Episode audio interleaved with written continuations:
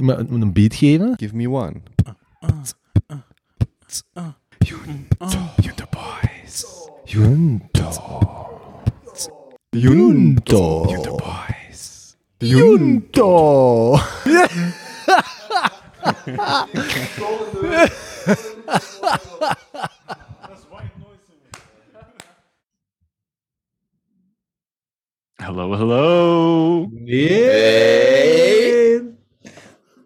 Zegt Toon, dat is lang geleden. Twee weken? Drie weken? Vier weken? Vier weken, hè? Hmm. Vorige keer waren we niet bij. te zien.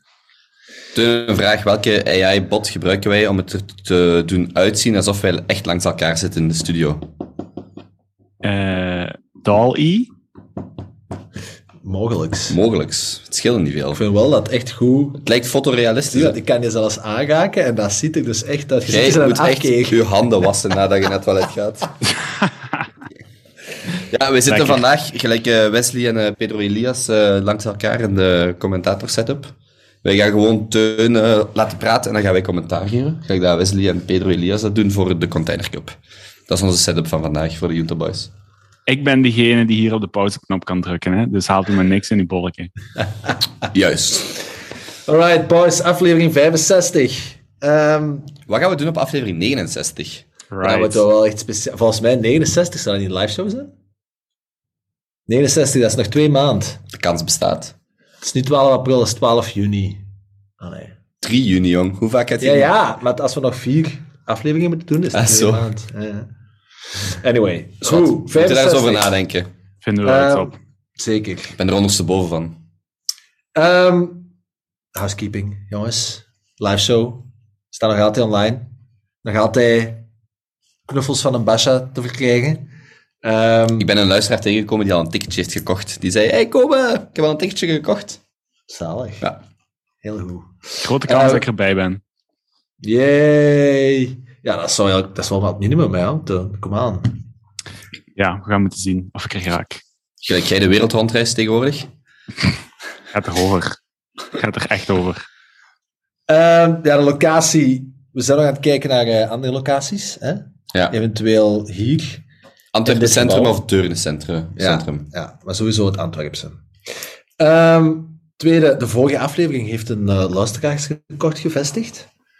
Dus eh, op Spotify zijn we eh, tegen een zeer hoog tempo richting eh, de 500 streams ge- ge- ge- gescheurd. Dus eh, nice, leuk. Merci voor alle nieuwe luisteraars. Maar dat is veel. 500 streams, enkel op eh, Spotify. Ja. Oké, De eerste dag. Nee, op... eh, de sinds eerste- publicatie. Sinds publicatie, ja. Allee, dat was heel snel. Ongeveer, ja. Ik denk dat het ongeveer 500 is, ja. Right. Dus eh, voor alle nieuwe luisteraars, eh, wees welgekomen, zou ik zeggen. Hè? Moeten wij ons nog introduceren? Misschien, ja. We moeten eigenlijk zo gelijk dat ze bij All In doen, zo eh, gelijk Jason nu doet, dat was ik aan het denken, dat moeten wij ook eens doen. dat is heel funny. maar ik moet daar langer over nadenken. Ja, ik denk wel dat jij de persoon bent om dat te doen. Ja, ik zag wel een quote deze week voorbij komen en ik moest dus meteen, hè, dus Nee, Dus nee, Ayala? ik weet wat jij gaat zeggen. Nee. ik zie deze tweet voorbij komen. Allee. En dus, dus Moet, Ayala- ik, moet ik pauzeren, Benny? Nee, nee, nee, nee. Dus Ayala is een, is een, is een griet met een bekende blog. eh, Ayala underscore girl op Twitter. En die is ook de maakster van Ascol. Dat is echt een legit vrouw. Ja. Eh, maar die heeft ook een tijdje zo eh, elke, tien maanden lang elke week LSD gedaan. En ook zo sexworker geweest online. Echt zo'n griet, zo, echt zo'n internet chick, maar dan zo on steroids. En ik zie deze tweet. eh, tweet ehm, The sex work advice I often give is... Men like thinking of themselves as someone who likes interesting women, so be performatively interesting. But the thing they actually care about is boobs. Ik heb Benny daarin getagd, die heeft daar nooit op gereageerd. Maar ik moest meteen aan Benjamin denken. dus voor de nieuwe luisteraars, zo zullen we ook wel een tweet over Teun en mij vinden. Toch? Ik denk de, de, de war is on. Je gaat nu gewoon constant getagd worden in eh schunnige tweets. Ik heb echt IJsselmans. lapperij van u van de laatste paar weken als jij van mij, hè. Waarom is coke zo duur? Nee, maar... ehm, Oké, we zijn al eh, off the rails. Dat is trouwens een liedje waar ik naar verwijs, Witte was. eh, voor de jonge luisteraars. Oké, dus we beginnen opnieuw. Toon, jij pauzeert. Kom Jan, Ja, housekeeping. Paul, dus stel elkaar niet voor. En dat is tot Ja, bon, ik ga gewoon een aanval maken. Dat, dat, dat verdient zelfs geen reactie. Ehm, en dan eh, als laatste, ja, de Basha. Hè? De Basha is een beetje lost in translation met zijn thesis. Dus we hebben blijkbaar ook wat vragen gekregen waar dat de Basha zit. Ah, Ehm, echt? Ja. Ja, het is al wel zo'n live show geleden dat hij een, eh, dat hij nog, eh, nog bij is geweest. Hè? Moeten we- op, welk moment moet, op welk moment moeten we die eruit kicken? Ja, maar dan verliezen we onze subsidies. Juist. Basha, Basha heeft gewoon een probleem. eh, We zijn gewoon nieuwe... Ja, ja, ja. Ja, zijn thesis meewerken vandaag, denk ik. Goed, jongens. Dat was het. Housekeeping. Kort maar krachtig. En één eh, op niks gebaseerde eh tweetreferentie. Dus we zijn klaar om eraan te beginnen, denk ik. Wacht, wacht, wacht, wacht, wacht. Ik heb er nog eentje. Onze Junto-luisteraars. Is daar nu een naam voor gevonden? Ah ja. Ja. Juist, ik zag u denken. Ah ja, wacht. Dus ook voor de kijkers die dit zien. Dit gedoedel was niet van Benjamin, waar het meest op is gestemd, maar van Jonas. Eh, Jonas? van- ah, ik dacht dat van Ja. Jonas. Ja, want dat was heel grappig, want er staat zo... Panda, alive, uitgestorven, spijtig. Die doodle. En dan... eh, ik vond eigenlijk... Ik vond eh Junties en Juntits twee goeie. Er was ook veel op gestemd, maar iemand heeft dan ook nog Ah, op ja. last Ja, minute de Juntiers voorgesteld. En dat vond- Dapperste aller ja, podcastmakers. ja, of luisteraars. De Juntiers. Maar de Junties is denk ik wel het meest populaire. Ehm, ja. Ik vind dat wel Mooi. goed. Ik kan ermee leven. Ik ook. We kloppen af. De. Junties. Die Junties. Goed, tot zover housekeeping. I'm a Juntie girl in a Juntie world. Oké, eh, vraag 1. Eh, boys, hoe gaat het ermee? Hoogtepuntjes en stressjes van de laatste twee weken. Wil er iemand de kop afbijten? Wilt er iemand zijn tanden gaan poetsen? nee, sorry. Ehm Teun, maar laat, laat Teun maar beginnen. Echt, dat weekend heeft echt schade gedaan, denk ik. Heb, ik ben eh, voor de eerste keer in mijn leven twee nachten op stap op rij geweest. Eh, Ja! echt schade. Wauw. Twee nachten op rij op stap geweest. En, eh, Niet zomaar op stap gaan, hè. Op stap gaan is tot twee uur. Ah ja, wel. Twee, ik lag twee keer om zeven uur of zo in mijn bed. En ehm, het was wel echt goed, maar ik, ik kan dat gewoon niet meer. Ik ben daar te oud voor geworden. En was dat duur? Hoe? Duur? nee. Oké. Goed, maar dus, eh, toen, omdat het een maandje geleden is, mocht jij eh, de spits afbijten in de plaats van de kop afbijten. Eh, hoogtepuntjes. Eh, ik heb niet echt een hoogtepunt gevonden, to be very honest. Waar- Allee, ik ken er nogthans wel twee, denk ik, niet? Oh my god, kill. What the fuck, gast? What, what the fuck, ja. Jij begint dan! Ja! Allee, maak nog een mopje over Oké, kwaliteit en kwaliteit. Paul, eh. ik heb niks gezegd. Ja. Zullen Goed. we straks gaan knippen of wat? Nee. Nee, sorry, dat was zo goed wat ik het wist. ja, maar dat was niet de bedoeling. Sorry, sorry. Oké, serieus. Geen hoogtepuntjes, ja. Eh, ja, nee, geen hoogtepuntjes. Ik bedoel, eh, leven is fantastisch. Mijn, eh, mijn, mijn, mijn familie is hier. Ehm het hele gezin zit in Frankrijk. Ja, en iedere dag surfen en iedere dag chillen, dat word je ook gewoon, right? Dus gewoon goede vibes. Ehm, iets waar ik wel een beetje gestrest over ben, maar ik ga er niet te diep op ingaan, omdat ik er misschien straks over wil hebben. Maar we zijn nu, hoe lang aan het podcasten? Twee jaar? Ja, oh, give or take, ja. Mhm. Give or take, twee jaar. Zoiets, iets meer. En we beginnen ja, historiek op te bouwen. Hè? Dus we kunnen een beetje onze projecties gaan analyseren en gaan kijken van, komen die uit? En we hebben dan geen CryptoPunk gekocht. Hè? Jammer genoeg, hadden we beter wel gedaan. We hebben wel voorspeld dat er eh, gigantische inflatie zou opduiken. Ik denk dat iedere Unity-luisteraar die onze raad heeft opgevolgd, dat zeker geen windeieren heeft gelegd. En het was geen raad, hè, want we geven nooit financiële raad. Ehm, maar ja, ik vind dat wel eng als de zaken die wij voorspellen blijven uitkomen. En ik weet wat wij straks gaan voorspellen, of wat we, wa- waarmee wij in ons hoofd zitten. En al die voorspellingen die worden alleen maar donkerder en donkerder. Hmm. En gewoon dat idee, dat wij misschien een beetje als tech bros en zeer nieuwsgierige gasten on the bleeding edge van, van eh, technologie en politiek en economie ons proberen eh, staande te houden. Het idee dat we daarmee een beetje de wereld kunnen voorspellen, één, twee jaar vooruit, dat vind ik ergens eng. Hmm. Ik weet niet hoe jullie daarover ik vind, denken. vooral het, ik vind vooral het idee dat iemand zoals Benjamin zou geloofd worden om de wereld te voorspellen, dat daar mensen naar luisteren. Eén grafiek komt altijd in mijn hoofd naar boven. Die van Tesla. Ja, maar jij, blijft daarmee lachen, hè? Maar er is echt voor elke luisteraar een Excel te gaan plegen op de website, waarin dat wij virtueel 100.000 dollar hebben belegd, hè? Ja, ja. En ik kan daar geen uitspraken over doen. Ik ga gewoon voor de nieuwsgierige luisteraar zelf laten bepalen wie dat er gelijk heeft. Benny staat mogelijk nog op de eerste plaats. dank u. voorlopig. Eh, maar ja, Ja. ik, ik snap dat wel, Toon. Ehm langs de andere kant, om dat misschien een beetje eh, ons, om, ons terug op, met de voetjes op de grond te zetten in volle camperse nuchterheid.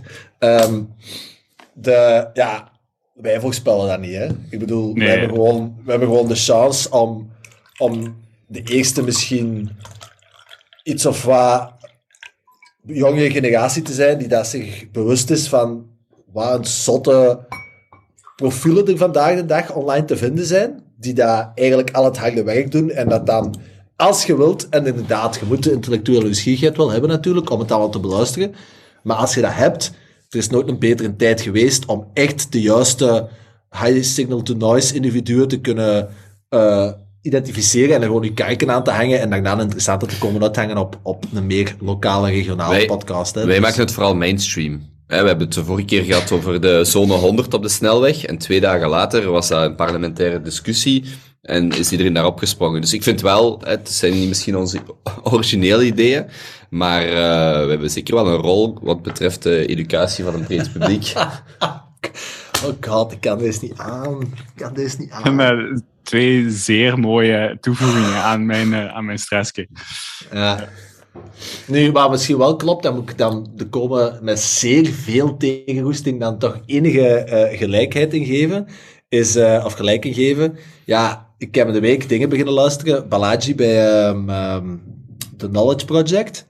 Ja, allee, ik moet dat in de voormiddag of in de vroege namiddag beginnen luisteren. Zelfs, ik kan dat ook niet beginnen luisteren tegen de avond als ik er al een zware dag op zitten. Dat, dat, dat, dat ook gewoon de fuck out.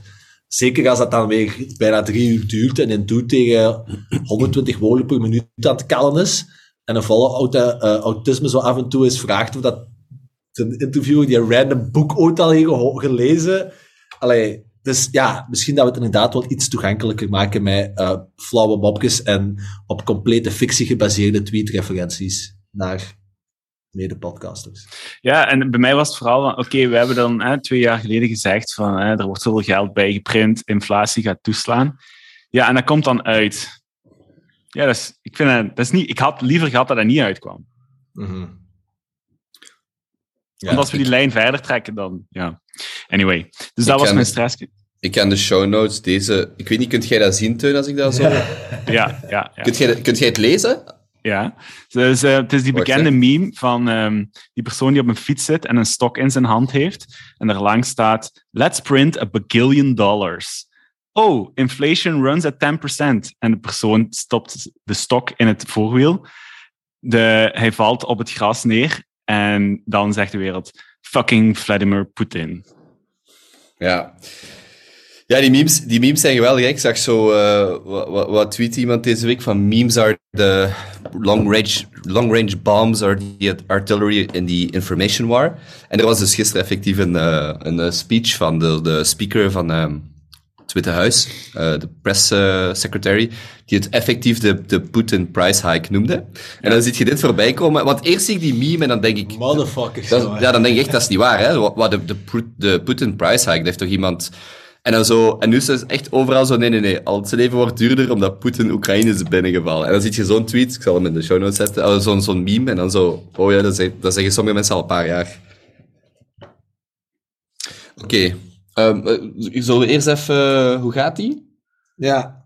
Ehm, Want heb jij dieptepunten, Teun? Allee, vertel eens over eh, alles wat slecht gaat in je leven. maar dat was het toch Dat was, niet? dat was mijn dieptepunt. Dus mij, ik, ik zit in een belachelijk luxe situatie. Verder heb ik niks te klagen. Oké. Zeg nou, is dat zo? Uw familie zit nu in dezelfde... Ja, we Ja, zitten in hetzelfde huis. Uh, Ja. ja, is cool. Zijn jullie aan het meeluisteren? Nee, nee, nee. Die zitten, die zitten op restaurant. Ik heb gezegd, eh I need my space. Oké. Mhm. Zalig. De broer ook. Zus, Yep, broer. yep, yep, yep. Ah, Ja, die hebben gisteren voor de eerste keer op een surfbank gestaan. Zalig, ja. Af eigenlijk. De, er kwam hier gisteren een heel zieke storm of heel zieke golven af. Dus ehm, je kon niet in het water buiten de personen op een jetski. Eh, dus er was één, één griet in het water, 20 jaar, pro-surfster, die dan twee jetskis bij haar had en een professionele eh, fotograaf. Ja, dat was eigenlijk een sch- schouwspel. En dan, wij konden zo wat surfen op, het, op, het op de gebroken golven. En zo tegen het einde van de sessie zien we zo die griet een golf pakt, baaf, valt, bord gebroken, komen zo twee stukken op het strand aangespoeld. Ja, dat was een serieuze show. Wow. Oh ja, als er één, één ding is wat ik nooit vergeet, we waren zo op skivakantie geweest met een bende, we waren zo 15 jaar oud. Ik vind het niet leuk om te vertellen, maar dat is echt een beeld. Ik ga dat nooit vergeten, omdat ik dat de eerste keer en de laatste keer is dat ik dat bij een vrouw zag. Kijk je zoals je aan het fietsen bent, je staat recht en je bestrapt u en je valt volle bak met je ballen op die buis. dat. Dus die griet is aan het skiën en die doet, er gebeurt iets waardoor die ski loskomt en die flikkert gewoon volle bak tussen haar twee benen. En die ligt daar echt gewoon zo een half uur te creperen. En je ziet dat en je denkt echt, wow. Oeh, Ja, ja. ik heb daar nog steeds trillingen van. Ik heb dat nog nooit bij een, bij een vrouw gezien, behalve die keer. Spijnlijk. Ja. Wel volgens mij de pijn, oh ja, de pijn dat je kunt hebben van als je echt zo serieus in een klokkenspel, oh ja, dat is echt, dat is echt een speciale pijn. Dat is echt, Kotsen, hè? dat is kotsen. Dat is echt kotsen van de zeer. ja. Dat is lang geleden wel. Vroeger als klein hadden dat wel eens regelmatig, hè? Ja, ja, ja. Ik zat vorige week nog met mijn twee ballen op iemand zijn scheenbeen. We waren aan het vechten en ik zo, ah, mijn ballen! Waarop hij zo zegt, je zit er zelf op gekropen! Ik zo, ah, ik weet het!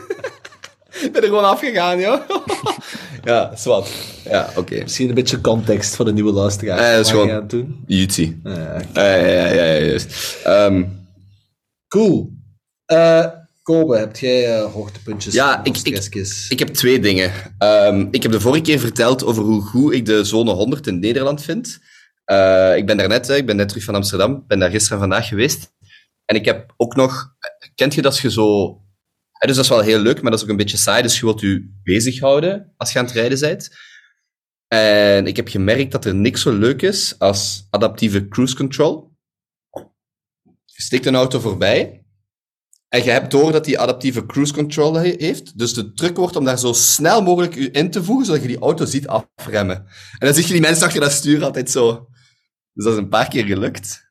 Eh, Dus, dus Nee. anderen hun adaptieve cruise control eigenlijk Ja. hacken en, en ja, misbruiken. kijk, wel, wel. En je moet dat wel op een veilige manier doen. Hè. Je, mocht dat niet, je mocht dat niet op een drukke snelweg doen, want die auto die remt. Maar zo, dat je zo echt zo die ziet en je voegt zo iets te snel in. Wel, het is wel allemaal veilig, hè. En, en dat je die auto ook zo ziet afremmen en je ziet die mensen altijd zo erachter zo, oh nee, weer zo'n Belg. En eh, het land waar ze dat ergste vinden is in Denemarken, want die houden heel veel ruimte, heb ik gemerkt. Zo België zijn echt heel agressief, dus wij voegen heel snel in. Maar dus op die zone 100, omdat je zo een beetje in je zone zit, je hebt niks anders te doen, is dat wel leuk om zo de dikke Mercedes en BMW's eruit te pikken en daar zo voor te gaan. Dat vond ik wel leuk. Ehm, Dat, gaat, dat gaat in de toekomst een hele tak van sport worden. Hè? Gewoon zo AI's hacken en, en Tuurlijk. mee, mee sjoemelen en een beetje ambeteren. ja, inderdaad, gewoon zien hoe, hoe ver, hoe ver kunt je, kunt je dit brengen. En dan, ehm, ja, dan was er nog iets wat jullie denk ik ook gevonden hebben. Dus ik ben zo vanaf mijn dertien hadden wij internet thuis. Dus ehm, ik ben echt zo wel opgegroeid met internetcultuur. Want ehm, ik zei juist nog tegen die maat in, eh, in, in Nederland. Het ging over geen stijl en dumpert en gamert, wat de, de clan was waar ik vroeger bij gamede. Ehm, dus ik heb heel veel van die Nederlandse cultuur mee gehad. Rutger, die daar al die politici ging, eh, ging, ging in, in Nederland. Dus ik denk echt van 2004 tot 2009 heb ik dat heel intens gevolgd. En dan zijn er ook twee of drie fora waar ik 20.000, meer dan 20.000 posts had. Eentje was Nine Lives, waar ik heel actief ben geweest. Uh, maar er zijn er nog andere geweest. I, I3D ben ik heel actief geweest. Dus dat is uh, de context van mijn internetgeschiedenis. Dat heeft mij heel hard gevolgd. Duizend posts. Ja, maar ik was echt een etterke op die fora. En uh, ook een moderator op Nine Lives trouwens. Even, geen idee. Ja, echt waar. Maar goed, dat toen nog geen NFT's bestonden. Maar ik ben dan eigenlijk een jaar of vijf geleden daar weggegaan op al die fora en Reddit vrij intens beginnen volgen. En Reddit is de plek waar ik vind dat, dat is echt voor mij het meest sociale, uh, het meest waardevolle sociale netwerk. Ik vind het echt ongelooflijk uh, hoeveel kwaliteit dat er is. En afgelopen week had je de mural van um, r slash place. En om heel kort, dus Reddit is gewoon een website waar je subreddits hebt. En subreddits zijn eigenlijk thematische plekken waar dat je naartoe kunt gaan. En een subreddit kan zijn Bitcoin, een subreddit kan zijn Scandinavian Interior, een subreddit kan zijn Keto, een subreddit kan zijn de Junto Boys, Belgium. Je hebt eigenlijk van, je kunt het zo zot niet verzinnen. Dus van alles een subreddit. En wat ik meestal doe, is bijvoorbeeld een nieuwe subreddit ontdekken, is gewoon naar de topposts aller tijden gaan en gewoon zien wat is het niveau van deze subreddit. En uh, afgelopen week heeft Reddit een, een um, um, een soort mural gemaakt. Je kunt dat vergelijken met in het verleden hebben we ook zo het 500 pixel project gehad. En dat was eigenlijk een website met een miljoen pixels, als ik het mij niet vergis. Als ik mij niet vergis. En je kon daarop zetten wat je wou. En uiteindelijk wordt dat dan een soort van, ja, kunstwerk of wordt dat een artwork. dat was dus met Reddit ook. En het heel coole aan die mural uh, is dat dus ieder kon, iedere gebruiker kon in de app of via de smartphone een uh, pixel zetten. In een kleur dat hij wil, wauw. En je ziet dan, ze hebben dat dan twee keer vergroot, verdubbeld. Dus dat werd eerst pak een A6, hè, om gewoon de, de analoge... Uh, dus stel dat ze een A6 hadden, daar hebben ze een A5 van gemaakt. En dan een A4, dus de, mural werd altijd groter. En dan heb je eigenlijk een timelapse hebben ze gemaakt van de twee of drie dagen dat dat gegaan is. En dan zag je die communities echt tegen elkaar vechten. Dus bijvoorbeeld, ay, vechten. Dus de France subreddit, die hebben echt een gigavlag van Frankrijk. En dus, lange verhaal, of de korte versie van het lange verhaal is, die mural geeft eigenlijk een heel goede representatie van online cultuur. Wat speelt er online? Wat zijn de grote communities? Uh, waar zitten mensen? Want als ik naar die mural kijk, ik ken misschien, ik herken misschien vijf communities, hè, van de honderden die daarin zitten.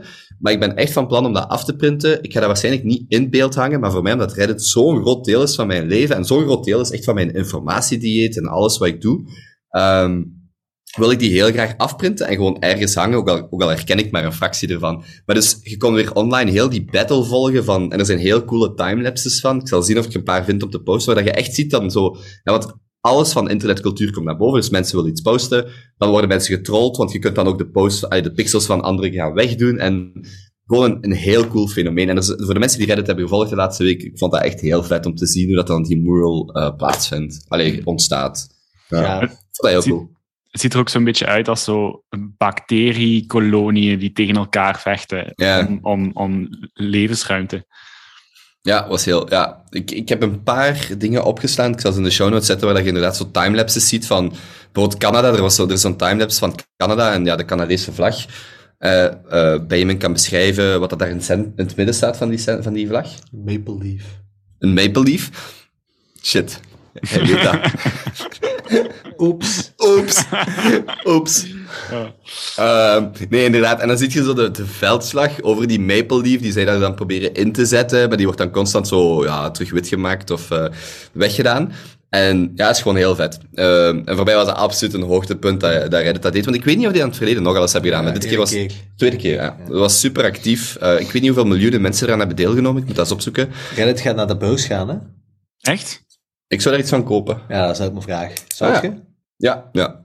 Ik vind, maar, en vooral, maar meer vanuit meme value. Kijk, ik heb ook één GameStop aandeel gekocht, maar meer vanuit meme value, van, ik vond dat wel leuk. En Reddit, ook wel een beetje, maar ik vind dat gewoon het meest waarde. Voor mij, in mijn leven, is dat het meest waardevolle informatie. Toen dat je mij een paar jaar geleden had aangegaan om dingen te kopen? Wat hè? Van uh, de Sailor? Ah, MicroStrategy. Ja, ja, ja. dat is toch goed gegaan? Ja, het zal wel zijn. Ja, Humpy Dumpy heeft dat weer verkocht voordat het... Uh, dat is niet waar, ja. Ik heb echt op goede hoogtepunt ja, verkocht. Ja, dat, jawel, herinner ik me wel. Dat goed verkocht. Maar ja. um, dat karma-systeem van Reddit, is, is, dat, is dat al getokenized? Nee, maar dat gaat wel komen, denk ik. Okay. Uh, ja. Cool. Maar dat is, dat is niet op de Ethereum-blockchain. Jawel. Jawel. Jawel, dat ligt Arbitrum of zo. Niet? Arbitrum waarschijnlijk, ja. Dat is met een leeg 2. Ja, ja, ja. Oké. Okay. Bon, alright, cool. Uh, hoogtepuntjes of stressjes. Ik, uh, ja, hoogtepuntje. Ik ben niet afgelopen weekend, het weekend ervoor op weekend geweest. Met uh, de groep vrienden hier van Antwerpen, waar ik lang mee heb geco-housed op de Belgelei. Wij hadden de Axel, maat, met een co-founder ook bij mijn bedrijf, die had een super gave chalet gevonden in Dagdenne. Structuur was van 1880 en zo een of andere maffe semi-hippie is dat beginnen renoveren met alleen maar zo supernatuurlijke materialen en echt zo'n trap gemaakt vanuit een, een, een, boom die dat was omgewaaid met een zware storm. Um, ja, echt, dat was zo mooi gedaan. Um, ja, vijf ton aan leem tegen de muren gesmeerd. Dat was echt zo'n soort van natuurlijk chalet-ervaring-achtig iets. En um, ja, dat was echt zalig. Maar dat, dat terzijde. Um, eerlijk, hetgene wat dat echt een hoogtepuntje was, wat, wat ik terug aan in dat weekend heb ervaren, is dat zo'n groep vrienden. En wij hebben vier jaar geco-housed uh, in één woning op de Belgelei. De oude burgemeesterwoning van Antwerpen. Hè. Koben is daar, jullie zijn daar allebei nog geweest, hè. dat is ik nu aan het uitleggen uh, voor de luisteraar. Um, en ja, daarna, dat huis hebben we verkocht. De eigenaars, uh, of de eigenaressen, die, uh, die moesten dat verkopen. En dan zijn wij elk op ons eigen gaan wonen. Wij vonden niet direct een alternatief. En dat is nu een dikke drie jaar geleden. En dat is eigenlijk echt zot, merkten we dan allemaal, van als je dan gewoon terug twee dagen samen bent, je zit daar gewoon instant terug in. In heel die vibe. Je, je kent elkaar zo goed. En zo tegen zondag namiddag zaten wij gewoon, we gaan wandelen, uh, sauna gepakt, noem maar. Hè. Het was gewoon zo'n zondagavond. En dan, we zaten zo gewoon allemaal samen in die living. Sommigen waren een, een aan het spelen, sommigen waren zo hun eigen ding aan het doen, sommigen waren aan het koken. En ik zat daar naast Elisa en keken ze naar elkaar en die zeiden ze aan mij, hoe goed is dat eigenlijk? Zo, Hmm. dat gevoel. Zo, ik denk, ik denk dat dat eigenlijk het gevoel is dat zo heel erg vandaag de dag wordt gemist in het, ehm, het, het financieel sterke Westen. Zo, ik kan het misschien niet anders omschrijven als het, het stamgevoel. En ik denk, als je een groot gezin hebt, heb je dat waarschijnlijk ook, hè, dat gevoel. Uh, maar ja, geen van ons zit daar vandaag al in. Uh, en hoeveel echt grote gezinnen, of nog echt, hecht, allee, echt goede, hechte, grotere gezinnen zijn er vandaag in Vlaanderen? Dat is ook echt sub 10%, denk ik. Um, maar zo, dat, dat gevoel, dat co-housing-achtig stamding, waar wij volgens mij evolutionair zo hard op gefocust zijn en waar je zoveel waarde kan geven, um, ja, dat was echt zot. Dus dan zijn we tijdens het avondeten terug beginnen nadenken en uh, ja, nu zijn we volop op zoek naar een, uh, een, uh, een huis ergens in de, de kant van Antwerpen. Om, uh, Jullie gaan terug samenwonen? Ja, dat is een droom, hè, jong. Dat is echt een... No way! Ja, we willen dat, hè. Dat is echt, je moet realistisch zijn. En met hoeveel dan? Ja, met iedereen van de Belgelei. En ja, maar nu zijn we die allemaal een vriendin. De meeste toch? Niet Mm. allemaal. Of een vriend. Maar dus wilt je echt zo'n een, een community starten of zo? Ja, ik weet dat niet. Dat is echt, ja, gewoon, we zijn daarover aan het zwansen geweest en dan wist ik een stuk grond liggen ergens in Deurne. hebben we dan opgezocht, nu ten Niels gezien, maar wat, oké, okay, bij wie is dat eigendom, dus die moeten met kadaster gaan zien. Maar een stuk grond of een huis? Ja, nee, dat is zo onbeschermd, een oud, een soort van, uh, dan, uh, van een batterij was het vroeger. Maar dat is gewoon een stuk bouwgrond. Dat is een beschermd, daar zitten beschermde, beschermde gebouwen op en een heel groot stuk grond. En jij wilt daar Sams in steken? Nee, jong. Ja, als dat past. als dat past, zeggen we niet nee, natuurlijk. Hè. Uh, maar uh, ja, ook, ze moeten wij inbeelden. Als je met zeven gezinnen je budget samenlegt, jongen, dan heb je een budget, hè. Dan kun je dat wel eens iets doen, hè. Dan kon je ook zo in die categorie. Iedereen zit zo Dus in. Een die... kasteel kopen, zo'n kasteel huren. Ja, iedereen zit zo in dezelfde. Dat is gelijk altijd. Dus iedereen zit in diezelfde vijver. 90, 95% zit in diezelfde vijver te vissen. En dat is kut. Maar als je probeert dan op een onbepaalde manier in die andere 5% te geraken waar niemand op zit te vissen, dan kunnen de, de opportuniteiten misschien spotten. Hè? Maar bon, want dat is, dat met alles. Hè. Allee, dat is super moeilijk om dan dat enthousiasme door te zetten. En dat zeker zo gelijk als deze. Allee, dat is echt niet simpel. Maar vind je dat dan niet... Je, zit, je wordt 32 dit jaar. Is dat dan niet een stap terug om terug in een uh, commune te gaan zitten? Ja, Kolbe, ik denk echt... Wat ik nu maar dat is juist zeggen, heel het punt ik, wat hem maakt. Ja, dat, wat, ik, allee, wat ik nu ga zeggen, dat klinkt misschien straf. Maar als ik, ik zou kunnen kiezen tussen x aantal... Nee, wacht. Als ik, zou, wat, als ik denk wat het u meest gelukkigst maakt. 5 miljoen euro of 10 miljoen euro. Of dat echt een hechte commune van mensen waar dat je, die dat je kent, waar je weet dat, dat, gaat, dat je zo gezamenlijk, gezamenlijk iets kunt opbouwen, zo gelijk als dat. Ja, dat tweede, dat maakt u tien keer gelukkiger als die 10 miljoen. Daar ben ik echt 100% van overtuigd. Maar dat, het, tweede, het tweede is misschien nog moeilijker om te creëren als dat eerste, hè? Uh, allee, dat is echt niet, dat is niet simpel, hè? Zit jij maar zo once upon a time in Hollywood geweest? Ieder, Nee, ja. ieder zijn caravannetje. Pas op. Ja. Maar er zijn steeds meer en meer voorbeelden van, van dat, ook in Vlaanderen, dat dat, dat, dat kan, hè? Maar Jo-. Jonas heeft dat gezegd, zo in Limburg heb je zo best wel van die ja, hoeves slash kastelen slash... Hè, dat in plaats van, in, bijvoorbeeld als je een gezin hebt met drie kinderen, in plaats van dat de ouders en dan die drie kinderen eigenlijk alle, alle vier partijen een huis gaan bouwen, leg dat samen en je kunt daar ook, je kunt daar echt wel vette dingen mee doen. Maar ja, natuurlijk, hè, je moet ook dat samen willen en kunnen en ja, dat is wel, maar dat is wel vet. Ja, 10 miljoen of een commune, dat wel niet gemakkelijk, hè. Ieder zijn ding. Eh, tweede krachtig hoogtepuntje. eh, 5 miljoen niet, dan zeg je... Hoe, hoe zeggen ze dat in Succession? ik wist dat ik 5 miljoen niet mocht zeggen. Ik wist het. The world's, the world's tallest dwarf. Oh, hoe ging dat weer? 5 million gets you nowhere. ja, ja, ja. Ja, ja. We zullen het in de show notes zetten, die clip. Eh, tweede kortere hoogtepuntje en echt totaal iets anders. Maar ehm, het is ook gepasseerd bij ons in de signal, maar ik wou het ook zeker even hier vermelden, dat ik het ook in de show notes kon zetten. Tesla heeft een fabriek geopend in, eh, in Duitsland. en eh groot event op zijn Tesla's. En een dag nadien hebben die ehm, een, een drone filmpje gelanceerd van echt een van de betere drone beelden, compilatie dat ik al heb gezien.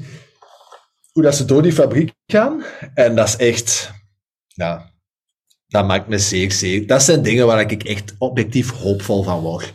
Dat je ziet hoe tegen een afschuwelijk tempo dat bedrijf gave shit uit de grond aan het stampen is. En dat ook zo krijgt overgebracht van hoe gaaf dat die shit eigenlijk is dat ze aan het doen zijn. Oh ja, dat is echt... Daar zijn weinig dingen dat ik echt gewoon met zo'n grijns aan het zien aan mijn scherm als, als, als dat soort van shit. Ik Dat ken nog wel een ander ding waarmee je met zo'n grijns naar scherm aan het zien bent. Nee, oké, ik, ga- ik had twee bij... Nee, ik, heb mijn eigen ingehouden. Ik heb mijn eigen ingehouden. Bon, hoogtepuntjes. Ja. Je moet je drive niet vinden, hè. Je hebt die altijd. Dank je voor de bijdrage. Echt waar, jongen. Ze biedt stoppen gewoon. Nee, nee, oké, nee, is- Oké. Ah, goedje. En dan twee korte stressjes misschien. Fucking hooikoorts is in het land. Ik heb vandaag net al liggen snotteren gelijk een maniak. Ehm, als iemand daar goede tips voor heeft, laat dat zeker. Dat Anti, antihistaminepillen? Ja, ja, Ik pak dat zelf ook niet, maar ik vind die hooikoorts wel heel ambetant. ja. Ik heb liggen snurken gelijk een beer deze nacht. Gewoon omdat mijn alles zat vol en dan nog hooikoorts En erbij. een, uh, een dingen even nou. Die snoordopjes ingestoken. Bye. Ja. En dan een tweede, echt ook licht, licht continu stressniveau, is ehm Marie Wijnands. ja, maar hear Zwaans. Ginne Zwaans. Ik dacht, en we kregen toen vrij veel berichten, dat ze zo'n paar dagen op een bureau aan het werken was. Ah, maar het mensen moest dit compenseren. Ze staat een week achter een bureau gezeten.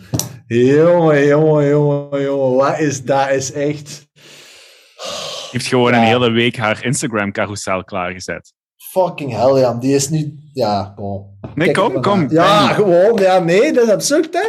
Zo drie dagen achter die bureau en zo af en toe een selfie met een not made for deskwork. Dus tien dagen dan ergens met Charlotte Witten eh, liggen skiën en dan, dan twee dagen in Antwerpen en nu zit hij in, in Afrika en, en dan daar en... Ja.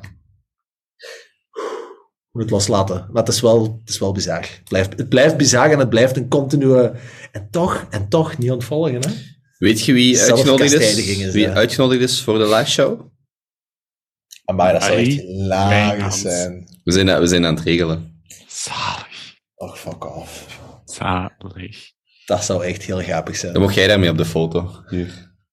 Kijk, Dat op zich is al een reden voor iedere luisteraar om een ticket te kopen. Of om Marie te sturen, kom naar de live show. Dan ben ik Ja, grote fan. oké. Vraag 2. Heb je recent een noemenswaardige essay, boek of podcast gelezen of gehoord dat je opmerkelijk of geschikt vindt om aan de Junto te communiceren in de moraliteit, business, natuurkunde of andere delen van de algemene kennis? Tadaa. Ja, ik heb wel, ik heb wel, ehm, ik denk dat we vandaag veel over dat thema gaan praten, dus ik ga er in, in, in, in, in het verlengde van blijven. De opening, ik zal in de show notes zetten, opening ehm, discussie, of een discussie op de Bitcoin Conference.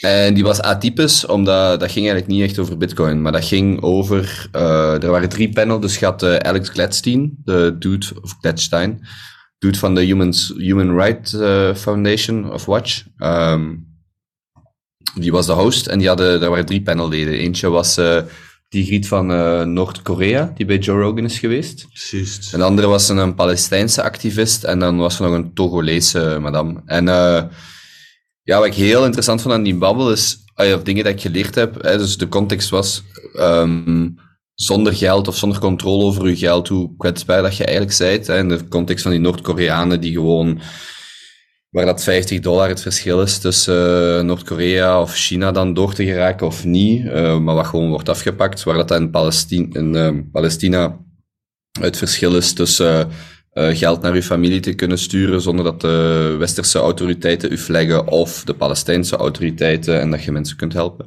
Of in het geval van Togo, en dat vond ik misschien nog het, het zotste verhaal. Er zijn veertien Afrikaanse landen, eh, waaronder Togo, eh, ik denk ook, ja, wat die voormalige ehm, Franse ehm, kolonies waren. En veel van die Afrikaanse landen, het gaat over 14 landen, 189 miljoen inwoners vandaag. Eh, dus pak een kleine 200 miljoen mensen. 14 tezamen. Ja, die 14 landen samen representeren, daar wonen 200 miljoen, eh, om en bij de 200 miljoen Afrikanen. En ehm, om een politieke vrijheid te krijgen, dus een on- politieke onafhankelijkheid, hebben die eigenlijk hun monetaire en economische, vooral hun monetaire onafhankelijkheid moeten opgeven. Dus die landen zijn nog steeds, dus die 14 landen hebben een eigen frank, een soort van eigen munt, eh, die buiten die 14 landen totaal niet ehm, aanvaard wordt. Je kunt daar niks mee. Die hangen vast aan de Franse Centrale Bank. Dus de Franse Centrale Bank beslist eigenlijk wat, hoeveel inflatie dat er daar is. Of de Franse Centrale Bank heeft een directe input. input. Die kunnen dat geld nergens buiten die 14 landen wisselen. Dus als je wilt vluchten of, of zelfs op reis gaan of zo, je bent eigenlijk altijd um, afhankelijk van de exchange rate die van bovenaf wordt opgelegd. En het ging daar, en, dus, en dan met alle andere repressieve dingen die erbij komen kijken, het feit dat je geld zomaar kan bevroren worden en dergelijke. En ik vond dat een babbel, want we babbelen vaak zo over een thema dat vaak terugkomt, is zo, ah ja, wij in het Westen was eigenlijk het probleem. Wij kunnen bijna alles doen, uh, zeker wat monetaire vrijheid aangaat. Allee, ja, nu met Justin Trudeau in Canada was dat, is dat toch zo even een beetje, dat ook Westenaars denken van, what the fuck, ineens vlieg ik de bak in omdat ik iemand 25 euro heb gedoneerd. Uh, maar als je dan die babbel hoort, was maar 40 minuten of zo. Ik vond dat wel echt heel, heel, ja. Ja, cool is niet het juiste woord, maar dan merk je van, er zijn echt honderden miljoenen, zo niet miljarden mensen voor wie dat dit heel belangrijk is. Die dude van uh, Palestina zei ook van, ja, de munt die wij gebruiken zijn shekels, dus de Israëlische munt. Shekels. Shekels. En um, hij zei, ja, gewoon al het psychologische effect van de munten moeten gebruiken van uw occupator, of, of hoe zeg je dat, van het land dat u bezet. Alleen al dat is gewoon, en dat is iets, daar heb ik nog totaal nooit over nagedacht, maar dacht, stel je eens voor dat wij nog steeds op de Duits bezet zijn en we moeten zo Duitse marken gebruiken of zo. Dat is gewoon, hij zegt gewoon al het psychologische effect dat je iets anders hebt, bijvoorbeeld stablecoin, dollars of bitcoin of whatever dat het is. En het is allemaal dingen waar wij totaal niet bij stilstaan, want wat maakt ons uit? En dan meer nog, en daar was ik hier ook in Amsterdam over bezig, hebben we zoals de, de chart gepakt van uh, Turkse lira versus euro. Ja, dat is echt dramatisch, hè. En ik heb dan zelf in Brazilië gewoond, die chart hebben we er ook bij gepakt. Toen ik in Brazilië woonde, was uh, 1 euro 2,5 real. En toen stond die heel duur, naar 3 real, maar gemiddeld 2,5. Vandaag staat dat op 6, 7 real. Dus die mensen, dus die mensen, dus de Braziliaanse Kobe, die er net iets minder goed uitziet, maar die heeft gewoon de laatste 10 jaar voor geen enkele fout van hemzelf uh, gewoon de helft van zijn vermogen, van zijn koopkracht verloren. Dus wij zitten hier fijn, yo, yo, yo, alles goed, wij werken, wij doen ons ding, wij proberen iets van ons leven te maken. Die doet, doet dat ook, maar die verliest de helft van zijn vermogen gewoon because. Ja, maar dat is ervan uitgaande dat die koopkracht... Ja, in internationale context, Ja, hè. Ja. ja. Maar ja, goed. die verliest koopkracht sowieso. Hè, want, want in een geglobaliseerd, dat is, Brazilië is gewoon is geen eiland. Dus, maar hoe dan ook, wij hebben daar gewoon, door dat zo te beluisteren, die charts te bekijken, besef je zo van, wij zijn daar zelfs totaal niet, we staan er zelfs niet bij stil dat dat een ding is voor veel mensen. Zo, en dan zeggen wij zo, je moet gewoon iets harder werken. Jo, ja. ja. als je het visualiseert, dan gaat je het maken. En dan zie je zo gewoon zo'n chart van de Turkse lira. En dan besef je zo hoeveel miljoenen Turken zijn er die daar gewoon nul schulden hebben.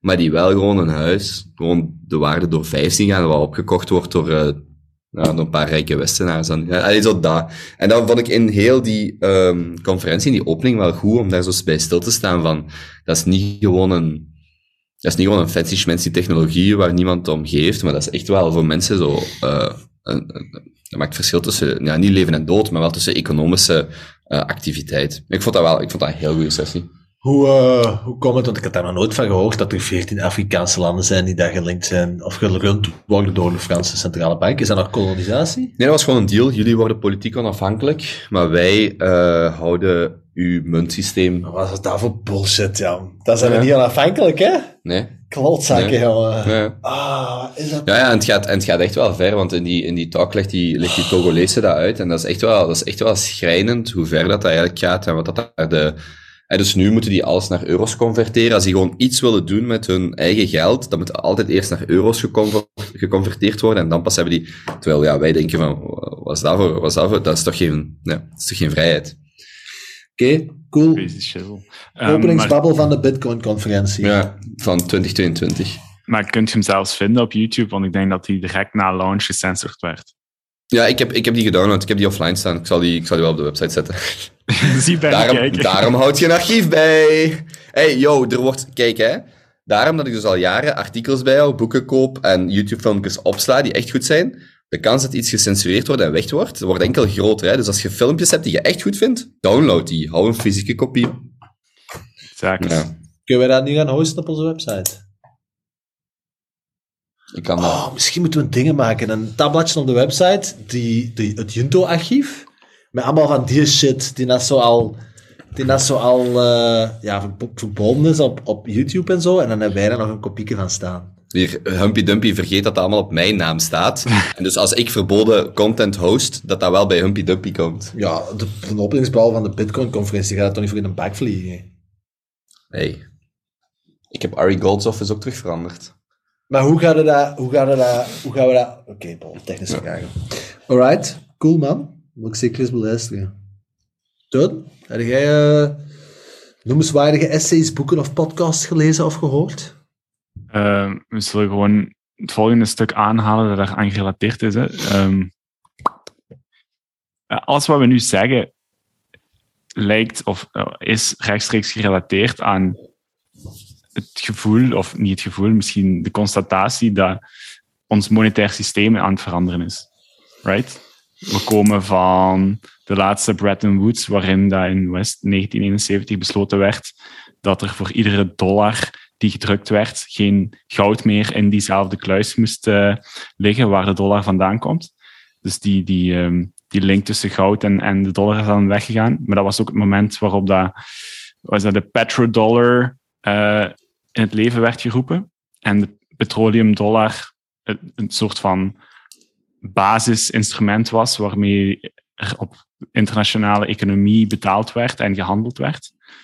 En dan 26 februari besluit Europa om in zijn maatregelen tegen Rusland, Rusland van het internationale betalings, of in ieder geval communicatiekanaal SWIFT te gooien.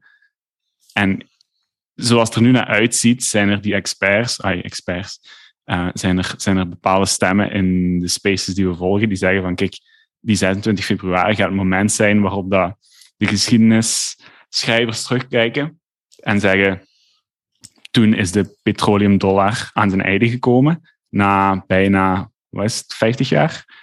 Um, Leg eens uit wat de petroleumdollar is. Kobe, sta me bij.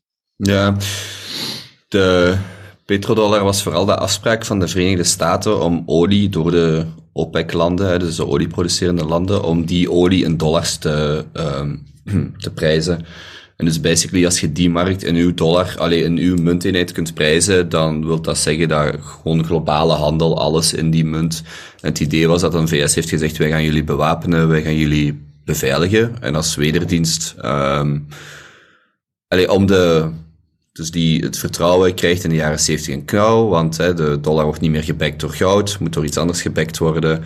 En dat is dan gewoon puur militaire kracht. En dan hebben ze gezegd, wij gaan jullie hè, die vrijheid geven, maar wij verwachten dat jullie prijzen in dollar zetten. En daarmee hebben ze dan nog eens eigenlijk 30, 40 jaar um, die hegemonie, het woord wat Teun uh, eruit kan stotteren, um, uh, kunnen, kunnen behouden. En die hegemonie, en dat is dan eigenlijk Bretton Woods 2, dus Bretton Woods 1 is dan de eerste reeks van jaren 40 tot 70. Bretton Woods 2 is dan 70 tot de fameuze 26 februari 2022. En nu zitten we zogezegd in het Bretton Woods 3 uh, tijdperk. Waar, dat, ja, waar dat ze eigenlijk vooral hebben gemerkt dat... Was de, de, de headline van de Wall Street Journal was...